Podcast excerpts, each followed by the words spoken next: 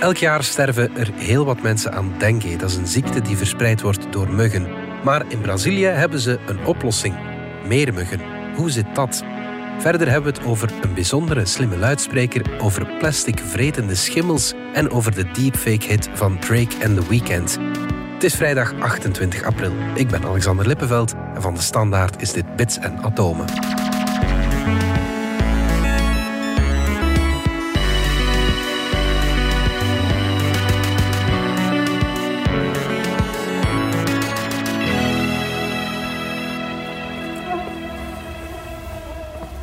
Pieter van Doren en Dominique Dekmijn. Pieter, muggen vinden we doorgaans de pest. Maar ja, nogal. Ja, in Brazilië, uh, daar gaan ze ze net kweken om, hou je vast, muggenziektes tegen te gaan. Ja, ja ze willen er niet zo'n beetje kweken. Ze willen er 5 miljard per jaar kweken en loslaten. Per jaar, dat is heel veel. Dus dat is uh, een en ander. Ja. Nu, wat is er aan de hand? Eh, de mug waar we het over hebben is wat men de gele koortsmug noemt. Die verspreidt dus gele koorts, maar ook dengue, zika, ook niet vergeten. Ja. Chikungunya, ook zo'n uh, tropische ziekte. Allemaal via dezelfde mug. Uh, Aedes aegypti in het Latijn. Mhm. Dus de gele koortsmug. Ja. Nu, de truc die ze nu gaan gebruiken is... ze gaan die muggen die ze bijkweken... gaan ze besmetten met een bacterie, Wolbachia. Mhm. En dat is een truc die al langer bekend is. De bacterie die kruipt in de cellen van de insecten eh, die ze besmet. Zit dus binnenin het, het lichaam van de insecten. Eigenlijk blijft daar ook rustig zitten. Mhm. En het leuke is, eenmaal zo'n cel met die bacterie besmet is, is er bij Marie van spreken geen plaats meer om ook nog besmet te worden met bijvoorbeeld het uh, dengue-virus. Ja, ja, ja, Dus dat virus uh, komt bij die cel en uh, daar hangt een bordje al bezet. Ah ja, oké, op die manier. Dus de mug kan niet meer besmet worden met de schadelijke virussen, omdat ze al besmet is met de bacterie. Ja. Dat is de druk. Mhm. Eh, je moet die bacterie in de eicellen van de muggen zien te krijgen. Dus dat is een beetje uh, fijn injecteren en zo. Maar eenmaal zo'n mug besmet is, geeft ze het ook door aan haar nageslacht. Ja. vrouwelijke mug heeft die bacterie ook in haar eicellen zitten, mhm. die weer bevrucht worden en die weer nakomelingen hebben, die ook in al hun cellen de bacterie hebben. En zo gaat het dus maar verder en verder. Mhm. Dat is dus de bedoeling. Je kweekt heel veel muggen met de bacteriën, je laat ze los en je hoopt dat ze de wilde bevolking langzamerhand uh, besmetten. Zodat dat bijvoorbeeld dengue-virus niet wordt ja, uh, zodat niet meer in staat is om het dengue-virus op te pikken als ze bloed zuigen bij iemand die al met de ziekte besmet is. Mm Dat is al een paar keer geprobeerd. Dat lukt min of meer een beetje naar gelang de omstandigheden. In Indonesië hebben ze het geprobeerd, in Yogyakarta min 77% in de besmettingen. Dat is niet, mis. niet slecht, ja. In Vietnam hebben ze het gedaan, Australië. In Brazilië hebben ze het ook al gedaan, in een vijftal steden. In Rio min 38 procent. Mm. Dat is al een stuk eh, minder. Ja, maar het is toch ook al dus, niet slecht. Het is niet gek, hè? Ja, ja, ja. Het ligt aan het klimaat, aan het specifieke weer, ook aan omstandigheden als uh, wijken met veel misdaad, waar je niet binnen geraakt als uh, verpleger om die dingen uh, los te laten. Ja, ik dacht dat je ging zeggen als mug. Muggen komen overal. Die komen overal natuurlijk. Maar je moet ze kunnen loslaten, dus je moet het vertrouwen hebben van de plaatselijke bevolking. Mm. Je moet daar emmertjes gaan zetten met water, met daarin eitjes die gaan uitkomen en die dan muggen geven. Mhm. Of je moet de muggen zelf loslaten, waarvoor je met een brommer die wijk moet inrijden en daar allemaal buisjes open doen waar dan muggetjes uh, uit wegvliegen. Dus ja, het, uh, het, is allemaal niet zo evident. Mhm. Drones is ook een manier om ze los te laten. Je vliegt gewoon boven een bepaald gebied en je laat... je doet klepjes open en de muggen vliegen weg. Mhm. In Bel Horizonte een eh, stad. In Brazilië is men nu bezig met een serieus onderzoek om eens wat meer cijfermatig te hebben. Want die 38% in Rio van der juist, dat is, we laten hier en daar wat muggen los in Rio en we kijken dan hoe het gaat met de ziekte in Rio. Mm Lag het dan die muggen? Uh, lag het aan het feit dat er tegenwoordig meer klinieken zijn? Lag het aan het weer? Uh, dat weet je niet. In, in dit geval gaan ze het echt eens serieus onderzoeken met wijken waar ze wel loslaten, met wijken waar ze niet loslaten. Met mensen die zich inschrijven in het onderzoek om zeker te zijn dat je weet wie, waar, wanneer enzovoort. Mm, mm. En dan hopen ze van meer te weten, maar ze zijn er al van overtuigd. Dus tegen volgend jaar moet die fabriek draaien en moet die 5 miljard muggen per jaar uh, loslaten. En gaan ze op die manier die muggenziektes, om het zo te zeggen, gaan ze die ooit kunnen uitroeien? Of, uh, want dat mm. maakt wel gigantisch veel slachtoffers elk jaar. Het uh, maakt aardig wat slachtoffers. Uh, in Brazilië op dit moment moet je rekenen iets van een uh, eh, 2 miljoen per jaar mensen die besmet worden met dengue. De meeste komen er vanaf met wat koorts en huiduitslag en zo. Maar in sommige gevallen wordt het echt een bloedziekte. Dan beginnen hun aderen te lekken. Gaat er vocht in het lichaam. En iets van een duizend sterfgevallen per jaar zijn aan die doorgeslagen vorm van dengue te wijten. Dus ja, we kunnen er maar vanaf geraken. Het zal niet lukken met dit alleen. Mm, mm. De muggen, er zijn met te veel. Je gaat ze nooit allemaal met Wolbachia besmet krijgen. Je kunt alleen hopen dat de ziekte naar beneden gaat, zodat de muggen minder mensen vinden die het virus hebben. Mm. En dus minder vaak bloed opzuigen dat besmet is. En zo hopen dat de ziekte langzaam vermindert, maar helemaal uitroeien. Ja. Nu, tegelijkertijd zijn er nog uh, mensen van een andere firma, Oxitec. Uh, die Ox, in Oxitec komt van Oxford. Een bedrijfje dat uit de Universiteit van Oxford ontstaan is. En die doen net het tegenovergestelde. Die proberen het aantal muggen te verminderen. Die lanceren steriele muggen. Ah ja. In de hoop dat die zoveel, met zoveel mogelijk wijfjes paren, waarna er niks gebeurt. Waarna er geen volgende generatie komt. Ja. En hoe minder muggen er zijn, hoe minder ziekte je ook kunt uh, verspreiden. Alleen die twee technieken werken elkaar tegen natuurlijk. De ene wil minder muggen, de andere wil meer muggen. Ja. Maar goed, ja, we proberen. En uh, we hopen maar. Um, er is bij dit soort onderzoeken of acties vaak wel wat te doen rond genetische manipulatie, maar met die bacterie is dat dus niet het geval. Nee, bij de steriele mannetjes eh, techniek moet je die eh, mannetjesmuggen steriel maken en dan moet je een beetje gaan prutsen in het eh, DNA. Om het zo te zeggen. Niet dat dat gevaarlijk is of zo, maar goed, het is eh, genetische manipulatie. Dat is wat omstreden. eh, Wat, ja, ja. wat op zijn minst omstreden is bij de Wolbachia-techniek, dan ga je de muggen gewoon besmetten met iets dat in de natuur bestaat. En dat in de natuur ook heel veel eh, insecten sowieso besmet. Ja. Dus eh, genetische technieken komen daar niet eh, ter sprake.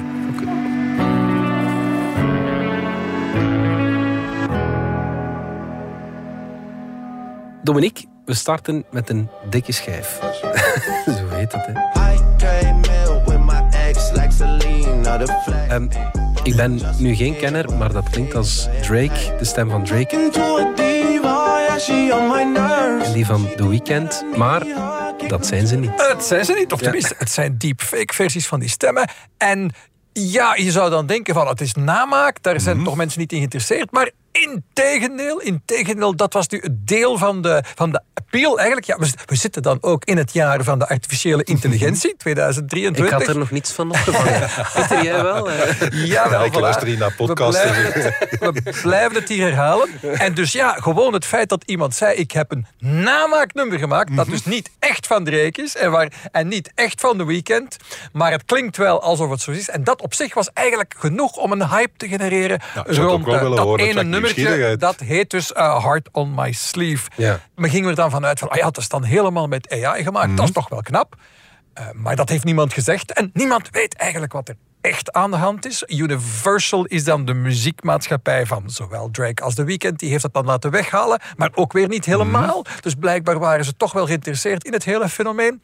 Universal heeft dan een, een soort statement daar rond gemaakt, rond de rechten en, en deepfakes en zo. Dus ja, er er is dan een hele discussie eigenlijk rond gebarsten. Super interessant. En dan is de vraag natuurlijk die veel mensen zich stellen: van, gaat, gaat, gaat alle muziek nu gemaakt worden door AI? En dat is natuurlijk eh flauwekul, want deze muziek is, ik vermoed, niet door AI gemaakt, maar dat weten we niet. Als men het er niet bij zegt. Eh, het is al een hele tijd zo dat er wel een zekere belangstelling is om dingen te horen die helemaal door AI zijn gemaakt. In dit geval zeggen sommige mensen: oh, dat is beter dan de echte Drake.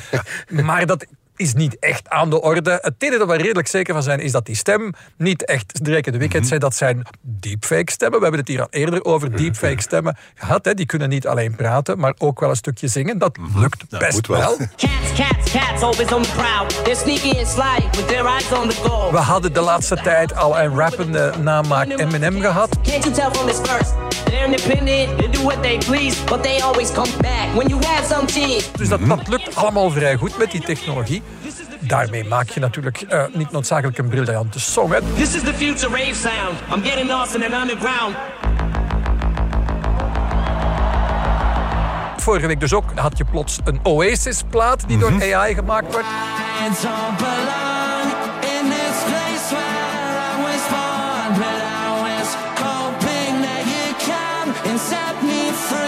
Bij nader inzien bleek dat niet Oasis te zijn en ook niet AI eigenlijk, maar een tien jaar oude plaat van een groep die zoveel op Oasis trok.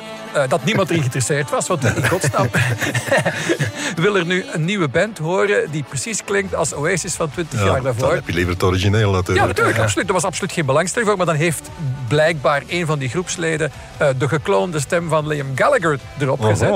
En dan was het opeens wel interessant. En een klein hypeje van enkele dagen waard. En dat ja. heette dan AISIS. hè, Hadden ze het Ja, is- genoemd. is- ja, Maar bekt wel wie- minder voilà. goed.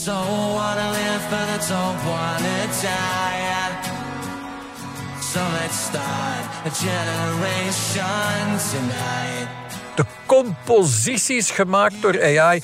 Meestal blijkt dan, als het ergens op lijkt, is het toch vooral een mens geweest die ergens een motiefje door AI heeft laten genereren en daar dan een volledig We, arrangement heeft hadden zo onlangs in, in, in Radar Jasper Erkes eh, te gast, die daar ook een hele Ja, plaat ja, mee geschreven heeft. Dat is wel interessant. En eh, effectief, dat is wat we nu zien, is het samenwerken tussen mens en AI. Dat, dat levert inderdaad interessante eh, ideeën op. Het is nu een mode sowieso dat niet één of twee personen een nummer schrijven, maar dat je zes, zeven, acht mensen samen in een ruimte Mhm. gooit. Of ze via het internet laat samenwerken. En die maken dan samen een nummer. Eh, dat, dat heb je met heel wat eh, grote hits. Zodat er Mhm. een gigantisch aantal mensen aan meeschrijft. Ja, gooi dan ook nog eens een AI-systeem in de mix. En je, je genereert nog meer ideeën. Dat is nog helemaal zo gek niet. Eh, sommige artiesten springen daar al helemaal zelf op. Grimes, de zangeres die niet toevallig de al dan niet ex-vriendin is van Elon Musk, Yep. heeft dan gezegd van, zij, zij roept nu al haar fans op van maak alsjeblieft een, eh, een hit met mijn deepfake erbij en je mag de helft van de opbrengst houden. ja, dat is gemakkelijk verdiend. dat is gemakkelijk. Ik. Het is ook heel interessant, want het is, als het met AI gemaakt is, is het absoluut niet duidelijk dat er zoiets als eh, auteursrecht of royalties kan bestaan. Want da- daar gaat het eigenlijk werkelijk om voor de hele muziekindustrie. Niemand weet precies hoe het gaat zitten met muziek die voor een stukje geschreven is door AI. Wat we beginnen te leren, en dat geldt ook in de beeldende kunst, hè, met die fake foto's. Hè. Als AI iets maakt, is er geen menselijke auteur en het heel het systeem, heel het systeem van auteursrecht, zowel bij ons als in de VS als overal ter wereld, is gebaseerd op menselijke auteurs. Is er geen menselijke auteur, dan is er ook geen auteursrecht. En heb je dus eigenlijk iets gemaakt dat iedereen mag kopiëren. Maar ja, maar er is geen auteursrecht, geen copyright op dingen waar geen menselijk auteur is. En dan is de vraag gewoon, welke rol heeft een mens gespeeld in het tot stand komen van dat werk? Is die rol groot genoeg? Dan kan er toch weer sprake zijn van een echte auteur die dan het AI-systeem gebruikt heeft als een muziekinstrument, als een schildersezel, om zijn eigen kunstwerk te maken. Ja, of iemand die gewoon het werk van iemand anders laten kopiëren heeft door AI. Die zegt een schilderij in de stijl van Van Gogh. Of eh, muziek in de stijl van eh, Mozart. Of eh, het is al gelijk wie. Ah, dan komen we dus effectief in het terrein waar niemand een idee heeft van hoe dat, dat dan zit. Blijkbaar is Universal er dan in geslaagd van, tenminste aan YouTube, te zeggen van ja, op basis van ons auteursrecht vragen wij om dat namaaknummer gemaakt dus door die artiest noemde zich Ghostwriter eh, eh, dat nummer eh indrukt op onze rechten maar, Maar dat begrijp, ik nu wel. ja, je, je, je, het gaat om twee stemmen en twee herkenbare stemmen dan ook nog eens. Ik zou ook wel lastig zijn moest Wel, ik ja, maar Universal eh, baas zijn. Maar dus op een, A- door een AI gemaakt nummer rust geen auteursrecht. En kan eigenlijk ook heel moeilijk auteursrecht breken, omdat je eigenlijk strikt genomen niks kopieert. Laten we het zo zeggen, het is niet helemaal duidelijk. We zitten randje, in, we zitten in die randjes. En eh, heel veel mensen zijn geïnteresseerd om die randjes te verkennen. Vooral ook omdat er belangstelling is eh, op TikTok, op YouTube, om dingen te horen die met AI zijn gemaakt. Mensen zijn geïnteresseerd, is daar geld mee te verdienen? Als je dan geld verdient, ja, dan komen er al vrij snel processen. Er lopen er al een aantal, maar er zullen zeker nog rechtszaken bij komen. En wat die rechters dan beslissen, dat worden dan presidenten. norm En dan gaan we beginnen te leren wat, wat mag en wat niet mag. En dus in ieder geval wat die muziekmaatschappij nu willen in het leven roepen, is het idee dat je niet zomaar je AI mag trainen op het werk van die artiesten. Nog om hun stijl te klonen, maar of je daar een claim op kunt maken, dat is een moeilijke, maar ze gaan dat zeker proberen. Nog het klonen van die stem. En die stem is dan weer iets anders, want er bestaat zoiets. eh, bij, in ons recht is dat dan portretrecht, hè, de recht op je beeltenis. En als iets gewoon heel erg op jou lijkt, kan je nog altijd zeggen van ja, hier wordt inbreuk gepleegd. Men verkoopt iets alsof het van mij is, maar het is niet echt van mij. Maar ja, als men er natuurlijk heel duidelijk op zet en men noemt die groep dan AI's en zegt er duidelijk bij, dit is... ja, dan komt ironie erbij. En, eh, ja. Ja, we weten het helemaal niet. Maar Er mag gezegd worden dat de muziekindustrie toch wel behoorlijk op zijn kop staat van het hele idee. Dat we Ja. op dit moment, maar dat geldt voor alles rond AI dit jaar, dat we geen enkel idee hebben waar dat allemaal gaat landen. Oké. Come and see next week.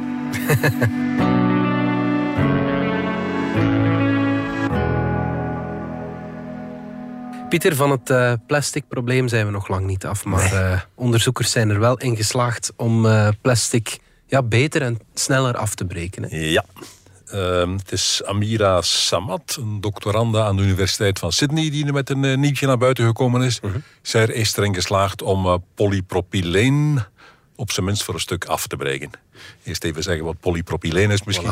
Polyethyleen kennen we iets gemakkelijker. Dat is een eh, plastic die heel veel gebruikt wordt voor verpakkingen. Ja. Maar als het aan een beetje eh, sterkere eisen moet voldoen, dan gebruikt men meestal polypropyleen. Ja. Is een wat taaiere plastic. Dat is ook plastic iets wat bijvoorbeeld. ons... De, ah, voilà. Ja, ik wou vragen... Dat soort dingen. Ja. Eh, Mini-stoeltjes eh, voor kinderen. Sommige vormen van speelgoed dat tegen een stootje moet kunnen. Mhm. De dopjes van eh, frisdankflessen. Ja. eh, die dikkere, taaiere plastic dopjes. Dingen waarvan je denkt, dat, dat breekt niet gemakkelijk af. Voilà. Zoiets, ja. Kleerhangers, Ja. sommige meubelen. eh, van die blauwe, dikke plastic vaten voor eh, chemicaliën. eh, Dat, dat soort eh, materiaal. Mhm. Nu, dat is toch een eh, kwart van alle plastic afval in de wereld. Wordt nu niet of nauwelijks gerecycleerd. Het is meestal vervuild met andere plastics. eh, het leidt ook een kort leven, dus het is goedkoop. eh, het is niet de moeite om het te recycleren, financieel gezien dan. Dus eh, er gebeurt eigenlijk niks mee. Het is ook moeilijk om te recycleren, dat komt er ook nog eens bij. Eh, plastics zijn eigenlijk, als je op de moleculenschaal gaat kijken, lange ketens van altijd hetzelfde elementje dat herhaald wordt, achter elkaar geplakt tot lange ketens. Nu, polyethyleen moet je dan zien als een soort eh, spaghetti-slierten. Oh ja. En als je er maar genoeg door elkaar mengt, probeer maar eens om eh, in een kom spaghetti te pakken. En eh dan- komt meteen een hele Ja. kronkel en, me- mee en dan krijg je niet uit elkaar. Dus dat blijft goed aan elkaar hangen. Zo werkt polyethyleen ook. Polypropyleen, dan zijn het geen eh spaghetti-slierten, maar dat is het eerder wat je op zijn eh schoon Vlaams zou noemen pinnekesdraad. Pinnekesdraad. Het zijn dus lange slierten waar ook nog eens uitsteeksels aan zitten. En als je die in elkaar mengt, dat zit natuurlijk nog veel vaster in elkaar. Ja. Dat haakt echt ineen. En dan krijg je dus dat eh taaiere materiaal. Ja. Nu, wat heeft deze dame gedaan? Ze is begonnen met dat plastic eerst en vooral te behandelen, ofwel met ultraviolet licht, ofwel met hitte, ofwel wat, eh, met wat men het eh, Fenton-reagens noemde in de scheikunde. is een heel oxiderend eh, spul. Ehm, waterstofperoxide en zuur en eh, nog van alles erin. Ja. Dus eigenlijk maakt ze het plastic al voor een stuk kapot. Voor ze het dan eh, verder behandelt met twee schimmels. En eh, daar gaat het eigenlijk om. Het zijn twee bodemschimmels. Aspergillus terreus, een tamelijk eh, bekende eh, bodemschimmel. Zit vooral in warmere streken, maar komt hier toch ook voor. Kennen we al als de bron van eh, lovastatine. is een eh, middel tegen eh, cholesterol. Dat wordt al uit die schimmel gehaald, dus hij is redelijk bekend. De andere is eh Angiopansium album, ook een bodemschimmel. En als je die twee bij dat al voorbehandelde plastic doet in een petrischaaltje en je wacht dan een maand, dan is iets van een 20% verdwenen. Oké, ja. En als je drie maanden wacht, is er iets van een 30% verdwenen. Het is nog is- altijd het is geen... niet weg. hè. Nee, nee, nee. Nu, als, het, als het zo eenvoudig was, dan had je die plastic maar in de, in de grond te stoppen en die Ja. bodembacteriën zouden het wel opvreten. Ja. Stop maar eens plastic in de grond en ga binnen tien jaar kijken, het zit er nog. Ja, ja, ja. Dus zo eenvoudig is het niet. Maar blijkbaar dus in combinatie met die voorbehandeling kun je toch iets gaan doen. ja. En aan de Universiteit van Sydney zeggen ze nu, kijk, we hebben dit gewoon geprobeerd. We hebben de omstandigheden totaal nog niet eh, op punt gesteld. We hebben niet gekeken welke temperaturen, welk voedsel moet je die schimmel nog bijgeven. Want die schimmel zal natuurlijk liever ander eten hebben dan plastic. Eh, Hij zal zijn alleen plastic vreten als hij dingen mankeert. Dus je moet goed kijken hoe, eh, wat je hem wel geeft en wat je hem niet geeft en zo verder. En eh, op dit moment zitten ze, als je het in eh, zo'n petrischaaltje doet, na een maand zit er in het vocht dat er bovenop drijft, zit er 1 gram per liter extra schimmel. Dus die schimmel is 1 gram per liter gegroeid na een maand. Ja. Dat is eh, niet de manier om eh, tienduizenden tonnen van eh, plastic te gaan weg te werken. Maar het is, het is een eerste stap. Ja. En ja, de rest moet nu blijken. Hè. Ja. Kunnen we het opschalen? Zal moeten blijken. Waarschijnlijk wel. We zien er nog helemaal niet geprutste omstandigheden. Maar we- ze weten ook nog niet hoe die schimmels hun afbraak doen. Dus je kunt nog niet gaan peuteren aan de techniek. Dus het is heel vroeg, maar het is een begin. Het is op zijn minst voor de eerste keer dat we iets hebben. Het duidt vooral dat het echt wel een groot probleem is en dat het Nogal. heel moeilijk op te lossen is. Goed, we gaan er even uit voor reclame.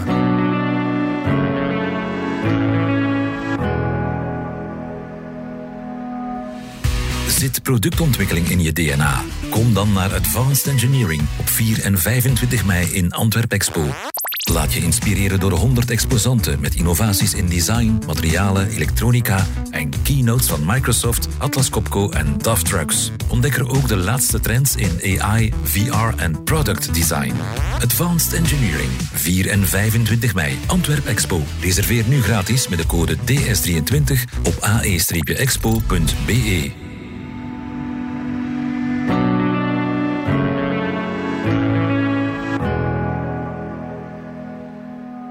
Dominique, er is een nieuw slim luidsprekertje gelanceerd. Het is nog niet op de markt, eh, als ik het goed heb. Je zou denken, er zijn er al veel, maar het is wel een bijzonder eh, exemplaar. Ja, dit gaat over toch een, een- dat, want dat is toch de bedoeling van de makers, een totaal nieuwe categorie van, van apparaat, iets dat toch niet bestond. En dat is altijd interessant. En daarom heeft het ook eh, redelijk wat aandacht gekregen. De andere reden dat het aandacht krijgt, is dat de makers eh, van bij Apple komen. Nu, er zijn heel veel mensen die ooit bij Apple hebben gewerkt. En deze waren nu niet echt supergrote namen. Enfin, dat zijn de twee oprichters van het bedrijf dat heet Humane. Een van die oprichters heet dus Imran Chaudhry. I'm Imran Chaudhry, co founder and president of a company called Humane. Today, I want to talk to you about the future. En die Imran Chaudhry, die heeft een demonstratie gedaan van iets wat nog niet is aangekondigd. Dus we weten zelfs niet hoe het apparaatje heet. Wat we wel weten is dat het apparaatje in zijn vestzakje zat en er zo net een beetje bovenuit piept. En zoiets hebben we al wel eens een keertje gezien. Eh, er zijn zo van die live bloggers. Dat was een ideetje van een 10, 15 jaar geleden. Waar mensen met een hele tijd met een camera rondliepen. En alles dat ze zagen fotografeerden. En het- met het idee van het dan in een database op te slagen. Die dan alles had gezien dat jij ooit had gezien. Zoiets was het dan eigenlijk. Dat een slimme luidspreker. Die, je stelt een vraag en je krijgt een antwoord. Maar het was niet zomaar een eh, Google Assistant of Alexa of Siri-achtig systeem. Nee, het is een soort ChatGPT in je zak. En, en dat was eigenlijk waar iedereen nu een beetje naar aan het zoeken is. Hè. Dus er is duidelijk, dat denk ik, ondertussen dat met ChatGPT er iets echt nieuw op de markt is verschenen. Een systeem dat je een vraag stelt en je krijgt een antwoord.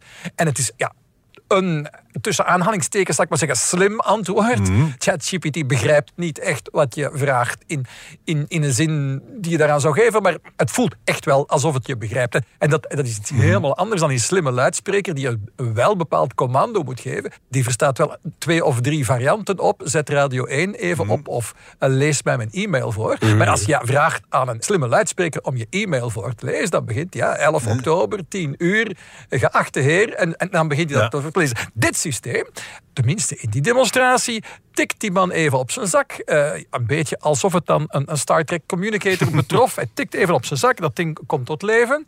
En dan vraagt hij van, catch me up, is dan wat hij zegt. Van, eh, eh, Catch me up. Dus Breng me eventjes even bij. bij. Breng me eventjes bij de zaak. Catch me up. Patrick is coming to tomorrow's design meeting. Bethany wants to move next week's dinner, and Oliver is asking about soccer this weekend.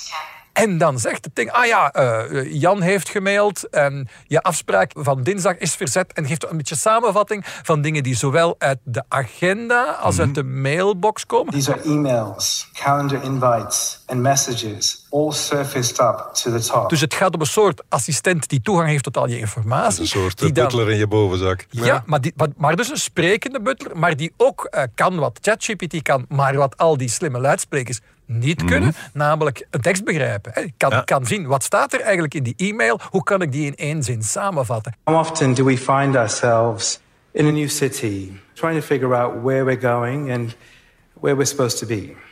It's even harder when we don't speak the language, right? Let me show you something. Invisible devices should feel so natural to use that you almost forget about their existence. Les appareils invisibles devraient sembler si naturels à utiliser. Vous oubliez presque leur existence. You'll note that's me and my voice speaking fluent French using an AI speech model that's part of my own AI. This is not a deep fake. In fact, it's deeply profound. This is my AI giving me the ability to speak any language. En dus dit is eigenlijk de eerste keer dat we een idee krijgen van... ja, ChatGPT, stel dat we dat heel de tijd bij ons willen hebben... hoe zou dat eruit kunnen zien? Hmm. Andere concepten die al bedacht zijn natuurlijk. Ja, eh, iedereen die de film Her heeft gezien... die komt hier nog wel eens een keer af en toe ter sprake. Omdat die film ja. eh, zo verschrikkelijk slim was. Want daar ging het over. En daar, in, in die film met Joaquin Phoenix inderdaad... zit de artificiële intelligentie in een oorstukje. Ja. Hè? En dat zou je dus heel goed kunnen doen. En dit functioneert eigenlijk heel erg zoals, eh, hoe heet ze weer niet? Uh, Samantha. Samantha Ja, in de film Her. Eh, eigenlijk functioneert het ongeveer zo, maar het zit dus niet op je oor, het zit in je, in je je vestzakje. Wat het voordeel heeft dat het eh, ietsje groter kan zijn en een, beetje, en een wat grotere batterij kan hebben. Maar ver- verder is het... eh, iets gelijkaardig. Ook een, ook een verschil is dat natuurlijk als, die, als dat eh, ding in je zak begint te praten, dan hoort iedereen het. Dus het is niet iets geheimzinnig. Maar het kan ook wel andere mensen storen. Dus ja, heel interessant om te zien. Zou dat nu het soort apparaat zijn? Of gaan we dat eerder in een oortje hebben? Of zal het in een Lijkt slimme bril toch, zijn? ja. Of in de bril. Ja, en het, vers- Inderdaad. het verschil met een, een slim horloge was ook niet zo groot. Van waarom zou je dat nu in je zak steken en bijvoorbeeld niet rond je pols? Waar je plek hebt om zoiets te zetten. Eh, ja, valt te bekijken wat het handigst is. Het interessante was eraan dus dat er eigenlijk geen beeldscherm is. En dat is ook een idee dat al vaak geprobeerd is en nog nooit gelukt. Misschien lukt het dit keer wel. Er zit een klein projector in en je houdt je hand ervoor. Dus voor, voor je borst eigenlijk. En dan projecteert het ding op je hand bijvoorbeeld van... kijk, het is je moeder die belt. Sorry. This is my wife. I'm gonna have to get this. Hello? Hey, Bethany. How's it going? Dus je kunt ook iets zien dat dan de omstanders niet zien, maar dat wordt dan geprojecteerd op de binnenkant van je hand. En ja, dat projecteren eh, van informatie, dat hebben we al een aantal keren gezien. De Belgische onderzoekster Patty Maas heeft dat in een beroemde TED-talk, was ook een TED-talk, dit was ook in een TED-talk voorgesteld, dus er is wel enige gelijkenis. Tiental jaar geleden moet dat ongeveer geweest zijn, heeft Patty Maas dat, dat apparaatje, dat soort opvolger van de smartphone, daar was het voor bedoeld, en dat werkte met projectie. Dus we hebben dit soort dingen al wel eens gezien. Het is nooit echt iets geworden. Maar dit keer is het dus gekoppeld aan dat ChatGPT-idee van een, een systeem dat niet alleen je informatie kan zien, Ja, maar die ook kan samenvatten en er een soort begrip van heeft. En dan vraag ik me af, ja, is dit de manier waarop iets als ChatGPT in ons dagelijks leven komt? Ik zou zeggen, bouw het in, in een slimme bril. Ja, dat is het, het andere model dat dus effectief een beetje voor de hand lijkt te liggen. Ja. Eh, en wij gaan heel binnenkort die Apple-bril zien. Laten we zeggen, nee, over twee maanden is dat. Eh, dat is echt wel spannend. Ik ben heel, heel benieuwd te zien wat Apple daarvan gemaakt heeft.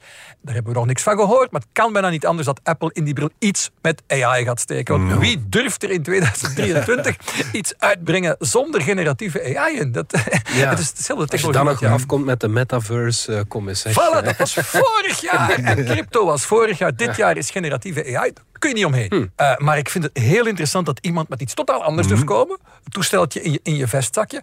Zeer nuttig voor mensen die vestzakjes hebben. Wel, ja. Ik zie dat hier op de tafel. Ja, ik de enige van ben. anders. Nee, Pieter ook. Pieter heeft ook een Het, het is vestzakje, iets cultureel. Ja, ah nee, wij zijn hier inderdaad rond de tafel met twee met een vestzakje. Dan ben ik de en- dommerik en van de jij drie, maar dat zonder. wisten we al natuurlijk. hè. Maar je zou zo'n ding natuurlijk ook wel over rond je nek kunnen hangen. Daar zijn wel eh, varianten op mogelijk. Dus ja, het, het hele idee dat we opnieuw bekijken hoe we interageren met computers. Een heel nieuw idee van onze interface met de computer, met de cloud, met artificiële intelligentie. Dat is aan de orde. Let me just show you. Picked up one of these chocolates. Can I eat this? A milky bar contains butter. Given your intolerance, you may want to avoid it. So I can't eat these anymore. But what's cool is my AI knows what's best for me. But I'm in total control. I'm gonna eat it anyway. ChatGPT, ja, daar heb je geen toetsenbord voor nodig. Hè. Nu doen we dat met een toetsenbord. Je hebt daar geen beeldscherm voor nodig. Het is uiteindelijk een spraakinterface. We gaan daar naar iets nieuws. En wat dat nieuwe ding is, dat, dat, dat is nu afwachten. En ja, dit is een eerste worp die eh, het waarschijnlijk niet zal worden, maar die ik toch eh, ja, heel interessant vind. Oké. De start van de week. Good stage one ignition. To explore. No man has gone before. Tot slot de ster van de week, Pieter. Een zingende zaag, die klinkt zo.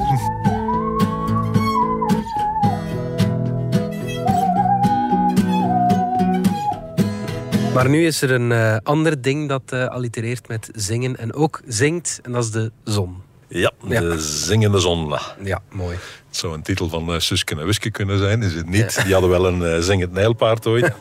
Nu, in dit geval, het project heet eigenlijk HARP. H-A-R-P. Oké. Heliofysica, auditief, resonantie en plasma. Oké, ja. Nou ja, we hebben al ja. termen gehad. Harp. Laten we het maar harp noemen. Het gaat over de, zonnewind. Dat is een plasma. Daar zitten ionen in. Daar zitten elektronen in. Dat, eh, dat borrelt en dat, dat kisselt daar op de zon. Dat eh, spuit onze kant op. Dat botst dan tegen ons magneetveld. Het aardmagneetveld. En dat houdt gelukkig die zonnewind en die zonnestraling heel sterk tegen. Ja. Dat kaatst erop af of dat gaat spiralen rond de lijnen van ons magneetveld. Komt dan uiteindelijk bij elkaar aan, aan de polen. En daar heb je dan het noorderlicht of het zuiderlicht. Maar wij zijn er vanaf. Ja. Wij hebben er geen last van. Als die zonnewind tegen dat magneetveld van de aarde botst, dan eh, begint dat magneetveld te trillen. Dan zie je de, de veldlijnen van dat magneetveld beginnen te, te trillen. En daar gaat het over. Eh, dat zijn hele trage trillingen. Echt traag. Dus totaal niet hoorbaar voor Ja. ons. Veel lager dan ons gehoor. Maar als je eenmaal die trillingen meet... en we hebben ondertussen satellieten die gaan erboven in, het, in dat magneetveld eh, rondzwerven... en dat eh, continu meten. Je kunt die trillingen opnemen. Als je ze dan versnelt... één dag samen duwen tot vier seconden. Ah ja, oké. dat is wel heel, heel erg Dat is heel ja. sterk versnellen. Ja, Maar dan komt het in het hoorbare gebied. Ah ja. ja. En dat wordt leuk. Als je die eh, trillingen gewoon in een grafiek zet eh, en je zit ernaar te kijken en je zit te bestuderen, die dingen lijken allemaal op elkaar. Dat is een beetje zoals je soms ook geluid van een plaat of weet ik veel eh, uitgetekend zit in grafiek. Dat is gewoon een hoop trillingen en daar kun je niks van maken als je daarnaar kijkt. Maar als je daarnaar luistert, dan hoor je meteen wat dat je hoort. Ja, tuurlijk. Dus dat is hier ook de bedoeling. Je perst die dingen samen, dag in vier seconden. Je luistert ernaar en je begint patronen te horen. Ja. Je begint sissende geluiden te horen. Je hoort klikken, eh, je hoort vogelgezang, weet ik veel. En je oren kunnen die patronen veel beter herkennen dan bijvoorbeeld een computer. Ah, ja. En dat is nu het leuke. Dus de mensen van de NASA die hebben gezegd... kijk, we gaan al dat geluid op internet zwieren. Wie er wil naar luisteren eh, en dan netjes noteren wat hij hoort, die mag. En als we die notities eh, samenbrengen, dan gaan we daar wel eens inderdaad patronen in terugvinden die onze computers gemist hebben. En kunnen we dus beter bestuderen hoe die eh, trillingen precies gaan. Want het is een heel ingewikkeld, complex systeem. Elektronen doen andere dingen dan ionen. En er zijn eh, signalen die, die ronddraaien, er zijn er die op en neer gaan, er zijn er die gewoon eh, daar nog eens dwars doorheen gaan op weer andere frequenties. Dus het is heel moeilijk om met een computer daar details uit te krijgen. Als je er naar luistert, en als maar voldoende mensen luisteren, en als maar voldoende mensen zeggen: hé, hey, ik hoor hier iets en ik hoor hier hetzelfde, dan eh, kunnen de geleerden daarop inzoomen en kijken eh, wat vertelt ons dat over de zonnewind. En dat is niet onbelangrijk. Als de zon echt eens uitbreekt, dan is die in staat om met eh, die winden die ze uitsturen, om zelfs satellieten kapot te krijgen. Oeh, ja. Om, als het echt heel erg is, om zelfs op aarde hoogspanningslijnen te, te oversturen. Dus het is niet gek dat we beter En begrijpen. GPS'en en zo. Ja, GPS'en, dat zijn satellieten natuurlijk. juist, computers. ja, ja. er zijn al gevallen geweest waar hele elektriciteitssystemen uitvielen, waar hele steden in donker zaten wegens zo'n eh, zonnestorm. Ja. Dus een beetje bijleren kan geen kwaad. Ja. Wie wil helpen, dan moet je gaan naar www.listen, op zijn Engels eh, listen dus, Ja. .spacescience.org. ja. En daar gaan ze je vertellen wat je kunt doen om dus de NASA en de wetenschap te Ja. helpen. Maar laat ons nu al even luisteren.